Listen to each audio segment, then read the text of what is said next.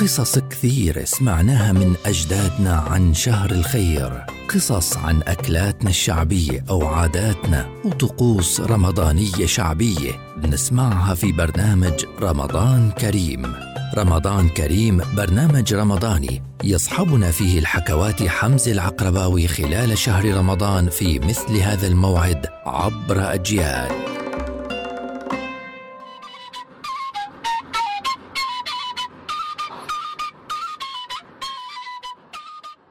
وحده الله. لا إله إلا الله. باقي ما باقي لكم في زمن غير هالزمن وبلد غير هالبلد. والحكي عذمة الراوي إنه في هالزلمة شغله بعيد وبغيب عن عياله أسبوعين زمن. ولما أجا شعبان روح لعياله وجاب مونة رمضان. كيس رز كم حات حلاوة كمردين تحويجة رمضان وشو بلزم. الزلمة قال لمرته قبل يسافر على شغله. يا بنت الحلال هذول قيميهن تيجي رمضان. ما حدا يصيبهن هذول لرمضان.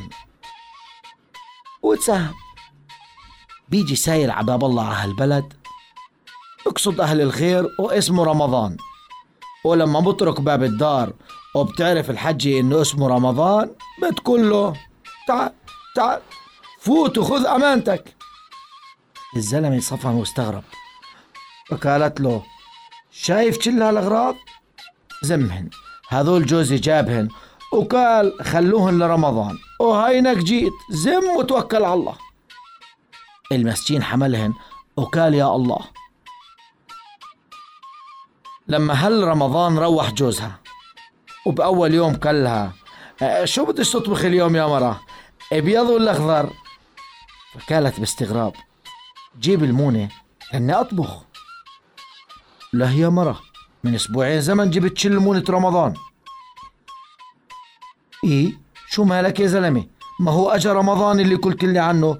وأعطيته إياهن جميعهن كنت زم هاي الاماني جوزي حط لك إياهن وأخذهن وتساهل الزلمة لما تأكد من الحكي قام وهو يضرب شف بشف وراح اشترى له طبخة عدس وقال لها أطبخي.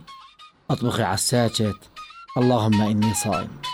رمضان كريم.